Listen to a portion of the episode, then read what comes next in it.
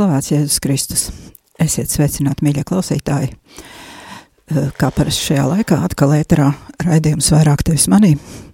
Un ar jums esmu es, Sandra Prēsa.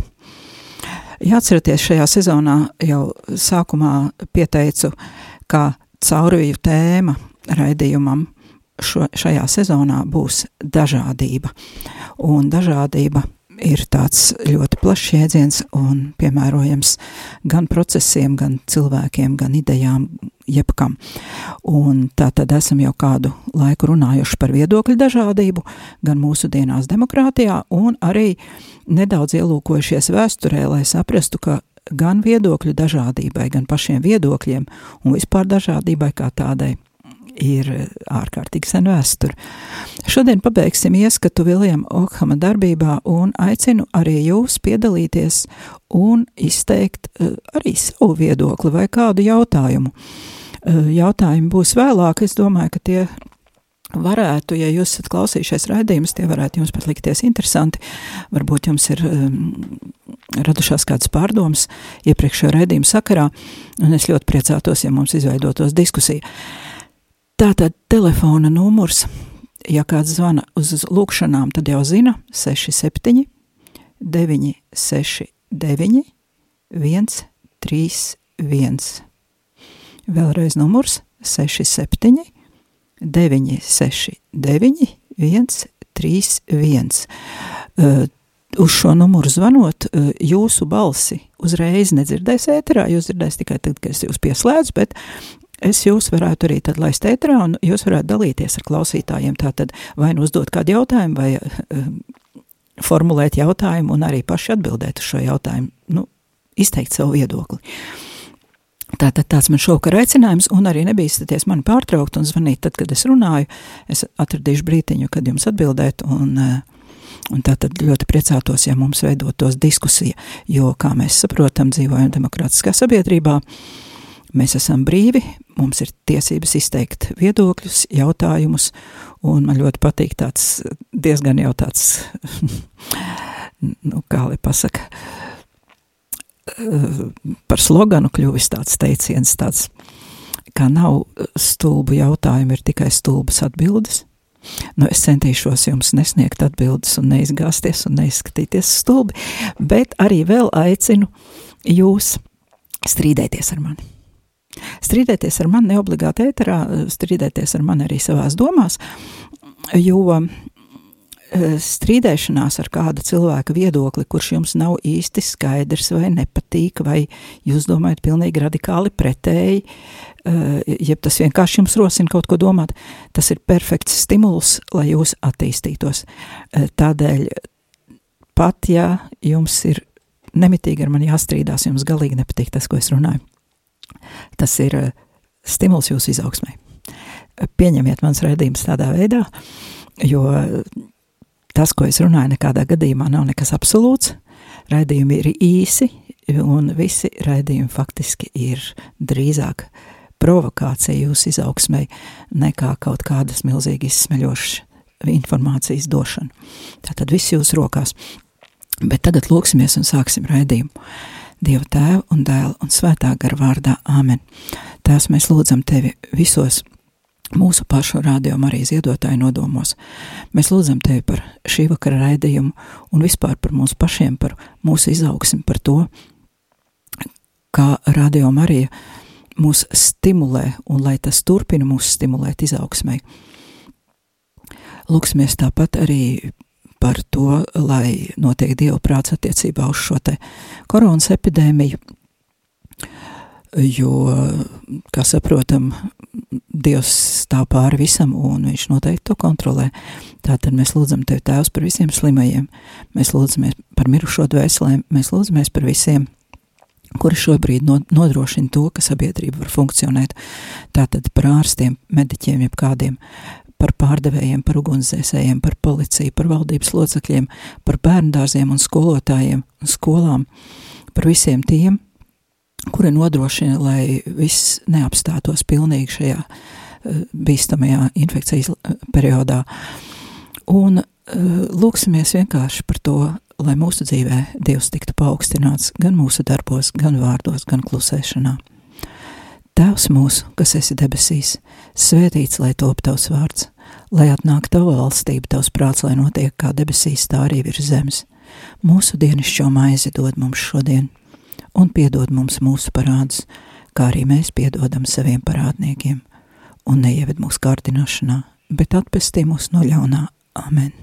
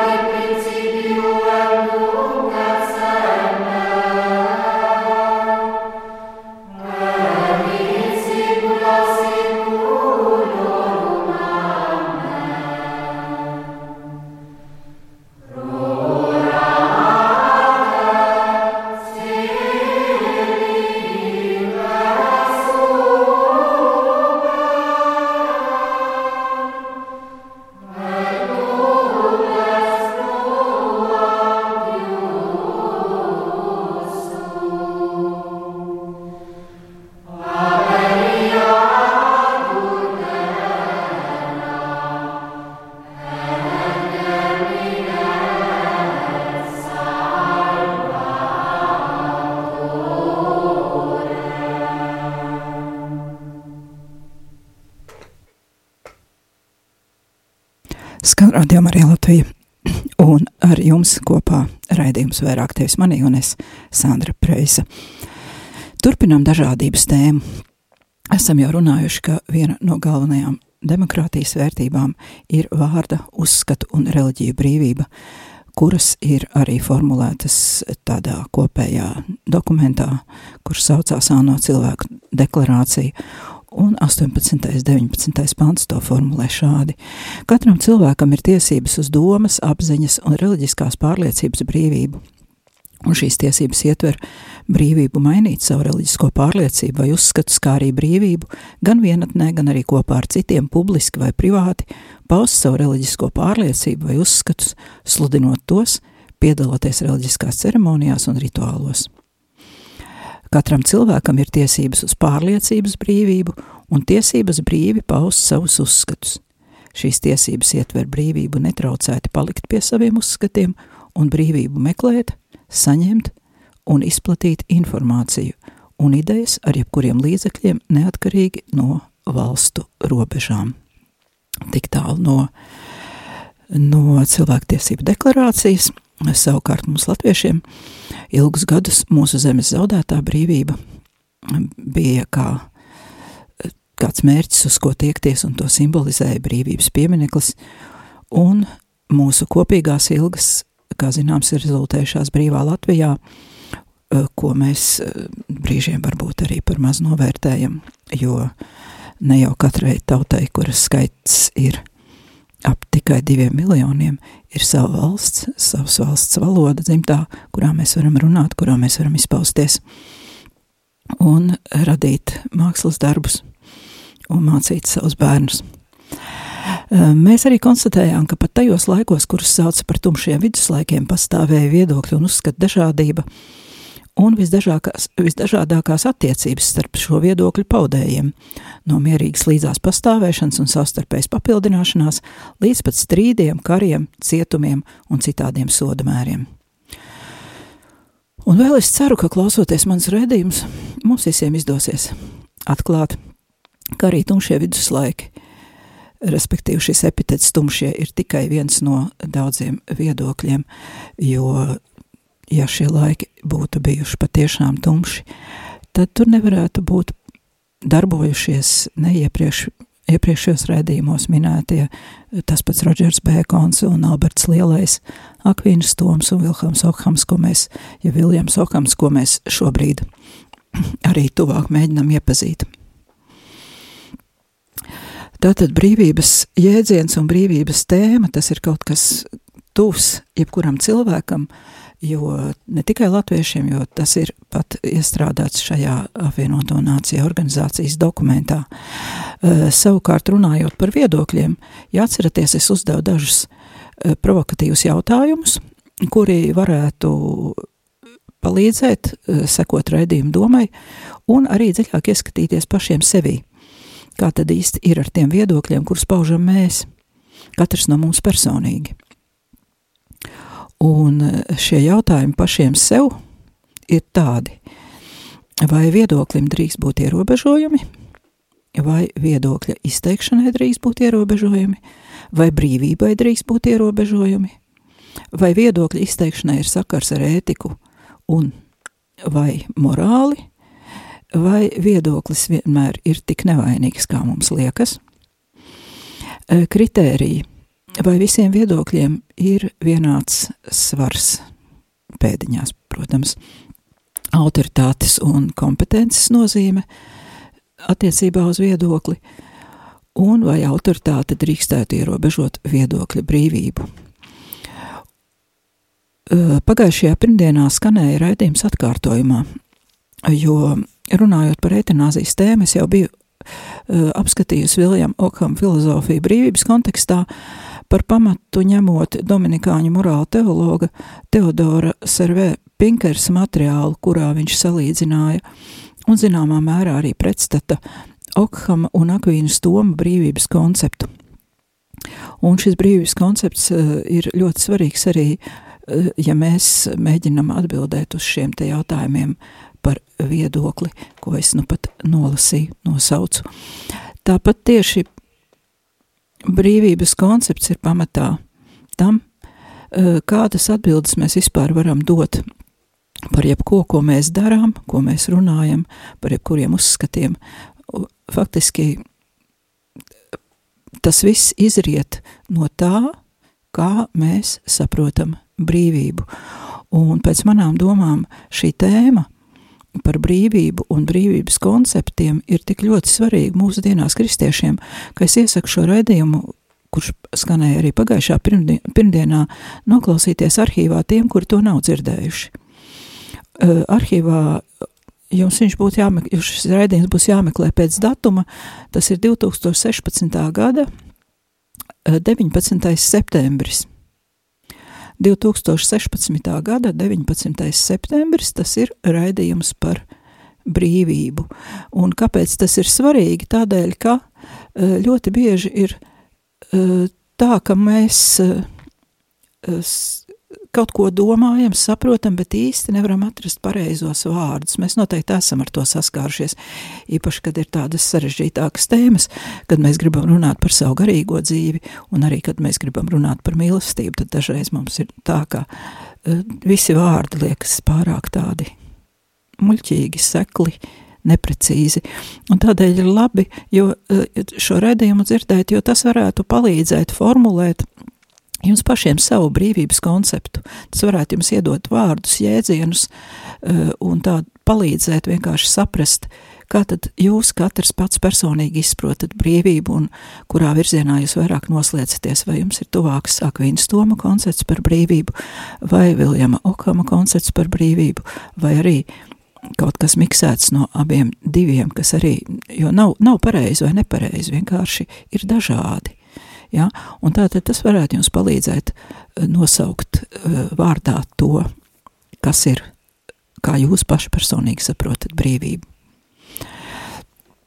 Un tātad arī par šo te brīvības konceptu tiem, kas pagājušā reizē klausījās redzējumu, vai arī kam vienkārši ir skaidrs brīvi, viņ, jūsu personīgais brīvības koncepts, ja jums ir skaidrs, tad jūs varat to arī tajā dalīties, zvanot uz numuru 679691, 131, 679, 131. Un tā tad jautājums, kuru es uzdodu, ir šāds. Kura brīvības koncepcija jums liekas tuvāka un kāpēc? Viljama Okama vai Akvīnas Toma? Ja jums ir jau sav, savs brīvības koncepts formulēts, jūs varat zvanīt un arī pastāstīt par to. Un, kā jau teicu, varat zvanīt jebkurā brīdī, raidījuma laikā, kad jūs esat gatavi. Un tad mēs uztaisīsim nelielu pauzīti raidījumā, es pārtraukšu savus stāstus un paklausīsimies, ko, ar ko jūs esat gatavi un vēlaties padalīties ar klausītājiem. Bet tagad atgriezīsimies pie Okhama filozofijas un mazliet ieskatīsimies viņa uzskatos par ētiku un morāli. Un varbūt šā materiāla kontekstā jums arī būs vieglāk atbildēt uh, attiecībā par to, kāds brīvības modelis un kāpēc jums liekas tuvāks, labāks vai mūsdienīgāks. Tātad ētikā Eh, Okams ir voluntārists, un šis eh, nosaukums voluntārists veidojas no vārda voluntas, eh, kas nozīmē griba. Un Okams apgalvo, ka visa atšķirība starp pareizo un nepareizo, viņš arī nesaka starp labo un ļauno, bet vienkārši starp pareizo un nepareizo, ir atkarīga no dieva gribas, respektīvi nepastāv objektīvs labums un ļaunums bet kas ir pareizi vai nepareizi, ir atkarīgs no dieva gribas. Un atcerēsimies arī to, ka viņš diezgan daudz runāja par autoritāti un e, nostājās par baznīcas un valsts šķirtību, e, kas e, savā idejā ir ļoti labi. Un viņš arī bija autoritāras valsts varas piekritējs. Un arī šis te viņa, eh, teiksim, autoritāras varas eh, tāds simpātija pret autoritāru varu arī lielā mērā, protams, ietekmē viņu uzskatus, ja viņa, otrādi viņa uzskati ietekmē šo te viņa viedokli, ka autoritāra vara ir, nu, kaut kas labs pēc viņa domām. Tā tad Okhama ētika. Uh, Alkomētikā ir eh, vairākas eh, galvenās vadlīnijas, vairākas tēmas, un tātad, kā jau teicu, tā ir balstīta uh, uzskatā, ka visu nosaka griba, un kurā griba un nodoms ir svarīgāks par darbību un kaut kādu ārēju uzvedību. Tas nozīmē, ka pēc okam izpratnes visas darbības. Un jebkāda rīcība ir morāli neitrāla, un šīs rīcības vai darbības labumu vai ļaunumu nosaka uh, intence, respektīvi nosaka tas, ar kādu domu, ar kādu mērķi uh, šī darbība ir veikta. Un šī gadījumā man ir bijušas sarunas ar uh, cilvēkiem, kuri arī domā par šīm tēmām. Un uh, es pazīstu arī vienu cilvēku, teologu, kuram ļoti patīk izmantot to, uh, ka citi cilvēki ir mazāk studējuši, mazāk zinojuši, nu, teiksim tā, nu viņa acīs dumiņāki, jā. Un viņš izmanto dažādas loģikas kļūdas, tās, par kurām es jau stāstīju, jā, tā skaitā arī ad ignorancijām, tātad to, ka cilvēks ir maz izglītots, lai pierādītu kaut kādas patiesības, kuras, patie, kuras īstenībā nav patiesības. Tātad viņš būtībā rīkojas pretēji tam, ko māca Okams, jo Okams māca, ka mums ir jāizvēlas visprecīzākās premisas, ja visprecīzākie fakti, no kuriem mēs varam izdarīt precīzi pareizi secinājumu. Un es jau stāstīju, ka ir tādi paņēmieni, ka mēs speciāli izvēlamies faktus, no kuriem nevar izdarīt secinājumu pareizu, bet eh, nu, mēs sagrozam patiesību ļoti viltīgā veidā. Un šī gadījumā, kāpēc es par to runāju, es eh, atceros, ka es viņam uzdevu jautājumu, bet ja mana, eh, nu, bet ja cilvēkam sirdsapziņa saka, ka nogalināt ir labi, un viņš to, viņš it kā nogalina, bet ar, ar tādu, nu, pārliecību, ka viņš dara labu, Eh, tad eh, tas ir labs darbs. Un viņš toreiz man īsti nemācīja atbildēt un izslīdēja, izslīdēja ar kaut kādu uh, neprecīzu atbildi, no, uh, neatbildot uz šo jautājumu. Uh, bet uh, ir kāds piemērs no dzīves, kurš uh, to ideju par to, ka darbība pati par sevi ir neitrāla, it kā novad līdz absurdam, un piemērs ir no vēstures. Uh, bija tāds cilvēks Ādams Eikmans, Eh, kurš kalpoja Hitleram, un kurš bija koncentrācijas nometņu izgudrotājs, un kurš vadīja arī milzīgas ebreju iznīcināšanas operācijas. Un pēc kara viņš bija aizbēdzis, bet uh, Izraels izlūkdienests viņu atrada, atved uz Jeruzalemi, un viņš tika tiesāts. Un uh, viņš savā runā teica, ka jā, viņš ir pārdomājis, ko viņš ir darījis, un ka tie cilvēki, kas viņam deva pavēles, ir bijuši ļauni, bet viņš jau neko, viņš jau tikai izpildīja pavēles, jo viņš bija SS virsnieks, un, nu, viņam lika, un viņš paklausībā darīja to, ko viņam liek, un tādēļ viņš tā īsti vainīgs nejūtoties. Bet šī viņa paklausība un vainas noliekšana uh, rezultējās miljoniem iznīcinātos cilvēkos. Un uh, viņš savu darbību nosauca par uh, labā, ļaunā kategorijās par neitrālu, jo viņš taču ir izpildījis pienākumu. Un viņa nodoms taču bija labs, viņš bija paklausīgs. Un redziet, kā var nonākt līdz absurdam, ja cilvēki viltīgi vai nezinoši vai muļķīgi, kā nu kurš izmanto kādu uh, filozofisku postulātu. Tādēļ mums ir jābūt ārkārtīgi uzmanīgiem ar to, uz ko mēs balstam savus viedokļus un eh, kā tas, cik tas patiesi, cik tas ir patiesi un uz ko tas ved. Tomēr eh, runājot tālāk par okam ētiku, eh, Okams ļoti daudz tomēr runā arī par dieva gribu. Un, lai gan viņš iepriekš mēs runājam par to, ka viņš atsaucas uz to, ka darbībai nekādas nozīmes nav, tomēr viņš runā par morāliski atļautām darbībām vai morāliski aizliegtām darbībām, kuras tādas kļūst vienkārši tāpēc, ka tā grib Dievs. Un atkal runājot par Dievu, ja mēs vadamies no svētiem rakstiem, šeit nav nekādu kļūdu, bet ja mēs eh, aizējam tālāk eh, un runājam par laicīgām autoritātēm, tad mēs atkal varam nonākt pie tā absurdā piemēra, kuru es pirmīt minēju. Jo, ja laicīgā autoritāte mums dod pavēles, un tās pavēles mums kļūst obligātas tādēļ, ka tās ir devusi autoritāte, eh, nu, ar to morāli nu būs laikam tā tā kā būs. Ehm, tāpēc arī, un kā piemēra Ohams min otro mūzes grāmatu, kur izrēlieši uh, aplaupa eģiptiešus, uh,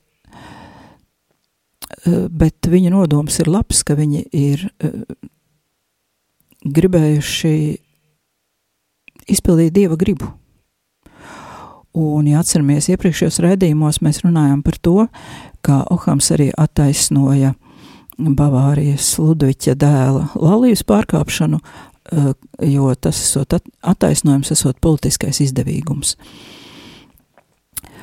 Un tomēr eh, Ohama ētikā eh, var redzēt arī tādu domu, ka viņš morāli nenoliedz pavisam, bet viņš vēlas, lai morāli būtu ļoti pārdomāta, un tā būtu vairāk saistīta ar uh, saprātu, nevis ar vērtībām, bet tieši ar saprātu, ar domāšanu un gribu. Uh, kaut kādā mērā tā raksta pētnieki, kas ir pētījuši Okama filozofiju, kaut kādā mērā viņa ētikā attiecībā uz brīvību eh, un izvēli var atrast pat eh, atsauces uz dabisko likumu, eh, jo viņš dabisko likumu uzskata par vienu no veidiem, kā Dievs mums izsaka savu gribu, un tie ir arī desmit paušļi, kā mēs zinām. Un viņš saka, ka daba mums ir devusi šo likumu Un eh, šī izpratne eh, arī ir tā, kas mūs caur tā kā dieva gribu ierobežo mūsu izvēlēs. Un atšķirībā no Svētā Augustīna, Okams, piemēram, pieļāva, eh, ka ir iespējams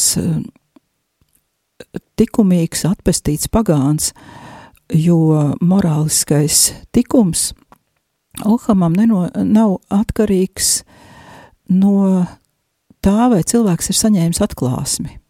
Un, ja cilvēks rīkojas morāliski uh, attiecībā uz lietām uh, pēc savas sirdsapziņas, ja pēc dabiskā likuma, uh, tad viņš var pat izpildīt pilnībā baušļus, pilnīgi bez atklāsmes un dieva palīdzības. Te pašā laikā viņš tomēr uzskata, ka iespējams, ka cilvēkam, kas ir pagāns, neticīgais, nav kristietis, tomēr ar, vien, ar vieniem pašiem morāliem tikumiem būs par maz, lai viņš tiktu pestīts. Un pestīšana prasa pēc Okhama ne tikai tikumus, kuri ir kuriem pretstats ir eh, morāls netikums, bet eh, kā cilvēkam ir nepieciešami arī nopelni. Un nopelniem pretstatā Okams nostāda grēku. Savukārt eh, nopelni, lai gūtu nopelnus, tomēr ir vajadzīga kaut kāda žēlastība no Dieva, lai cilvēks būtu spējīgs uz to.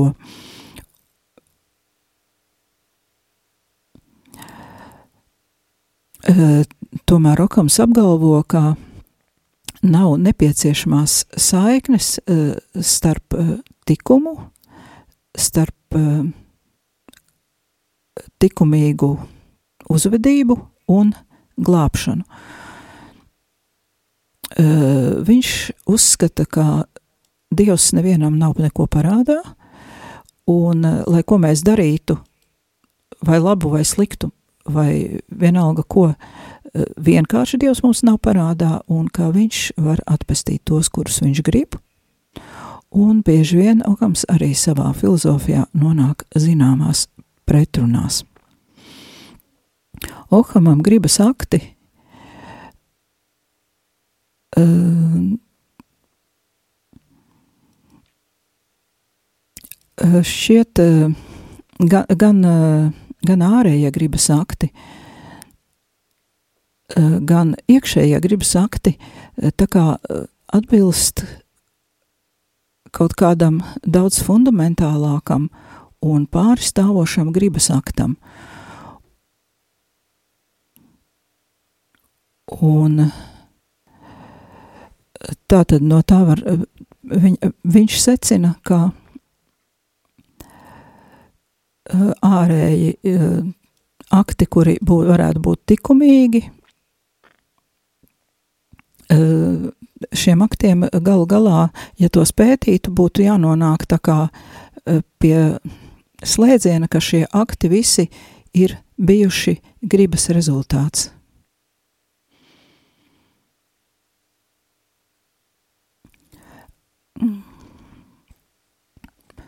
Un savos, savos agrākajos, agrīnajos darbos par uh, to, uh, kā, tik, kā tikumi ir saistīti savā starpā, Ohams izdala tādas piecas stadijas, piecas tikumu stadijas, kuras bija, kuras viņš vēlāk apskatīja savos tālākajos darbos. Pirmā pati zemākā stadija ir tad, kad kāds grib uh, kaut ko darīt, tāpēc, ka tas tā ir pareizi. Tāpēc, ka tas tā ir pareiza rīcība. Otrais uh, likumības etaps uh, uh, liek pie šīs te pie, pievienošai te morālajai nopietnībai eh, pat drosmi, tādu drosmi, ka, ka cilvēks nevis vienkārši ir gatavs rīkoties pareizi, bet, ja ir vajadzīgs, viņš pat ir spējīgs upurēt dzīvību par to savu pārliecību, ka viņš rīkojas pareizi. Eh, trešais etaps pievieno tā kā uh, zinām ekskluzivitāti iepriekš, iepriekš nosauktajiem, eh, ka cilvēks grib, grib eh, rīkoties labi tikai tāpēc, ka to prasa prāts, eh, ka nepietiek tikai ar gribu, lai rīkotos varonīgi, bet eh, tā tad ir vajadzīgs saprāta slēdziens, un eh, ka saprāta slēdziens šajā gadījumā pat varētu atļaut eh, pielietot kādus nemorālus motīvus. Ceturtajā pakāpē Ceturtā pakāpe Okam izpratnē ir ka cilvēks vēlas rīkoties tā, kā viņam liekas pareizi, tā kā viņš grib rīkoties, uh, savā mīlestībā uz Dievu. Un uh, šī stadija pēc Okhama domām ir vienīgā patiesā un pilnīgā morālā, uh, morāla likumiskā stadija, par kuru runā svētie. Un piektā un pēdējā pakāpja, bet etaps uh, ir tā kā apvienots trešais un ceturtais. Un uh, Okamam liekas, ka piektajā pakāpē var ieiet tā kā pārlecot šai ceturtajai pakāpei.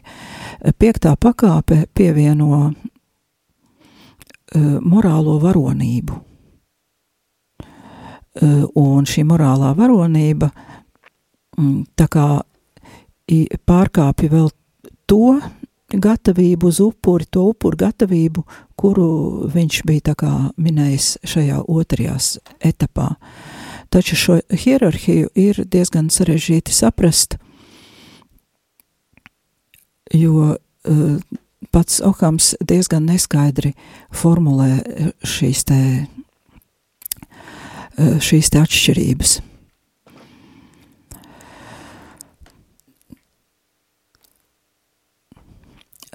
Un uh, Okams ir apskatījis vēl arī dažādas citas nozares filozofijā, kā piemēram morālo psiholoģiju, arī morālu teoloģiju. Un uh, ša, savos darbos viņš arī atsaucas diezgan daudz uz Aristoteli un uz Platonu, taču uh, viņš vairāk tā kā noslēdz uz Aristoteļa izpratnes pusi nekā uz Platona. Uh, Aristoteles savā Nikomahas ētikā uh, saka, ka labums tas ir tas, uz ko viss tiecas. Un tā tad var secināt, ka jebkura lieta, kura eksistē, un jebkura būtne, kur eksistē, viņa tiecas uz pašu labāko, kas ir labākais atbilstoši viņas dabai. Un uh, viduslaikos Aristoteļa piekritēji tādi kā Akvīns Toms, piemēram, uzskatīja, ka labums, ka cilvēka lielākais labums, mm, kuru varētu nosaukt arī par laimi, uh, tas ir, uh, tā ir pilnīga tāda dieva uzlūkošana un dieva klātbūtnes izbaudīšana, un kura ir iespējama tikai nākamajā dzīvē. Un Akvīnas Toms tātad saka, ka vai cilvēks to saprot vai nesaprot, jebkurā gadījumā cilvēks tik un tā tiecas šajā virzienā, un uz to tiecas visi cilvēki ar visām savām darbībām, arī tad, ja viņi neapzinās, uz kurien viņi īsti tiecās. Un, attiecīgi, to jau es pieminēju arī raidījumā par brīvību, uh, kā Tātad Akvīnas Toma formulējums mm, attiecībā uz cilvēka brīvību ir tāds, ka tā ir brīva tikai uh, tādā ierobežotā uh, izpratnē, tāpēc, ka mēs neesam, pēc viņa izpratnē, mēs neesam brīvi izvēlēties kaut ko, uh, kas, kas būtu pretējs mūsu galamērķim, un ka tas ir dabiski ielikts jebkurā cilvēkā, un ka cilvēks praktiski nav spējīgs izvēlēties neko tādu, kas viņu neved tādā virzienā, eh, kāds ir visu cilvēku mērķis, tas ir tas eh, galējais labums, laime, dievu uzlūkošana. Un tas, kam piekrīt Akvīns Toms, ka mēs gan esam brīvi izvēlēties visdažādākos līdzekļus tam, lai mēs sasniegtu šo galamērķi. Un tāpēc visas mūsu izvēles, kuras mēs izdarām, uh, kaut kādā mērā tiek ietekmētas ar šo, no tā, uz ko mēs tiecamies, bet tai pašā laikā mēs ļoti bieži varam izdarīt arī nepareizas izvēles. Uh, taču tas, ka mēs izdarām nepareizas izvēles, nav tādēļ, ka mēs esam izvēlējušies darīt nepareizi vai izvēlējušies darīt ļaunu, bet tādēļ, ka uh, mēs nezinām, nesaprotam, ka mēs esam novirzījuši uzmanību no mūsu galamērķa, ka mēs esam vienkārši paši sevi apkrāpuši kaut kādā mērā. Un, un šādā veidā Akvīns Toms nonāk pie domas, ka pie, tā, pie, pie kaut kā, ko salīdzina ar tā saukto Sokrāta paradoksu, ka neviens cilvēks apzināti netiecas darīt ļaunu. Savukārt Okhama viedoklis ir pilnīgi cits. Lai arī viņš, eh, viņš ļoti ar lielu tādu piesardzību attiecas pret eh, šo te cilvēka teoloģisko mērķi, viņš tomēr uh, uzskata, ka šādu mērķi var izsecināt un, un ka šāds mērķis varētu būt saprotams arī cilvēkiem, kuri domā. Un tādā veidā uh, mēs arī varam teikt, ka Ohams ir nepareizi apvainots tādā ziņā, ka viņš atsakās no šāda dievišķā mērķa. Un ka viņš atdala ētiku no metafizikas un noliedz teoloģis, cilvēku teoloģisko mērķi. Viņš vienkārši šo teoloģisko mērķi skaidro ar to, ka šis mērķis ir nevis neapzināti ielikts cilvēkā, bet ka cilvēks pie šā mērķa apziņas var nonākt ar saprātu.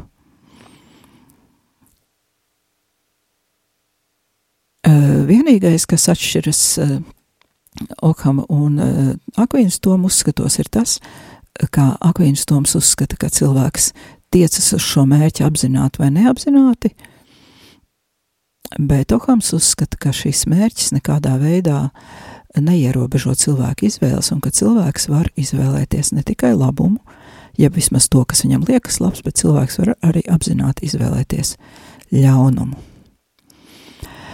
Tā šovakar laikam es arī tad beigšu. Telefona zvanu man nebija, bet tā tad atkārtoju vēlreiz, kā ļoti iesaku noklausīties iepriekšo raidījumu par brīvību un uh, pamēģināt vismaz pašiem sev noformulēt atbildi uz šo jautājumu. Kāda ir mana brīvība, kā es saprotu brīvību? Vai man patīk veids, kā brīvību skaidro Viljams Okams, vai man patīk labāk veids, kā brīvību skaidro Akvīns Toms, jeb es arī uh, izvēlos kaut ko uh, no viena un kaut ko no otra. Nu, es varētu pateikt par sevi, ka es arī līdz pat eh, kādiem, kā apmēram 30 gadu vecumam, nebiju sev formulējusi īsti vārdos, kā es saprotu šo jautājumu. Un tad es iepazinu vairāk uh, filozofiju, dažādas mācības, rakstus, un arī kāds priesteris mums draudzē lasīja uh, priekšlasījums arī par morālu teoloģiju, un viņš patiesībā bija pirmais, no kuras uzzināju arī šos te Akviņas Toma un Viljama Okam formulējumus, un tad es arī noformulēju sev uh, savu tādu brīvības konceptu. Un varu teikt, ka es vairāk esmu tomēr uh, Akvīnas Toma un brīvības konceptu piekritējis, un uh, uzskatu to, ka vērtības un vērtības sistēma ir ārkārtīgi svarīga, un arī uzskatu to, ka vērtības uh, nevis mūsu izvēli ierobežo, bet ka tās drīzāk mums rāda ceļu. Un, protams, atkarībā no tā, ko mēs uzskatām par vērtību, uz turieni ies arī mūsu ceļš. Tā tad varam arī par to padomāt, kas ir mūsu vērtības jo mēs varam, teiksim, piekrist Akvīnas Toma, uzskatām, ka brīvība balstās vērtībās, bet kāda būs mūsu brīvība un kādas ir mūsu vērtības, nu, tas to tikai mēs paši katrs zinām. Tā tad aicinu uz pārdomām. Ceru, ka neesmu nevienam devusi kaut kādu atbildi, jo atbildes dot man nebija nekāda nodoma. Es tikai vēlējos iepazīstināt ar dažādiem domu gājieniem, kuri ir bijuši cilvēkiem, kuri dzīvojuši agrāk, agrākos laikos, un lūk uz šā te pamata aicinu pētīt, lasīt, domāt un aicinu visus uz garīgu izaugsmi. Ar to arī atvedos. Ar jums bija kopā Sandra Preisa, rēdījums vairāk tevis manī.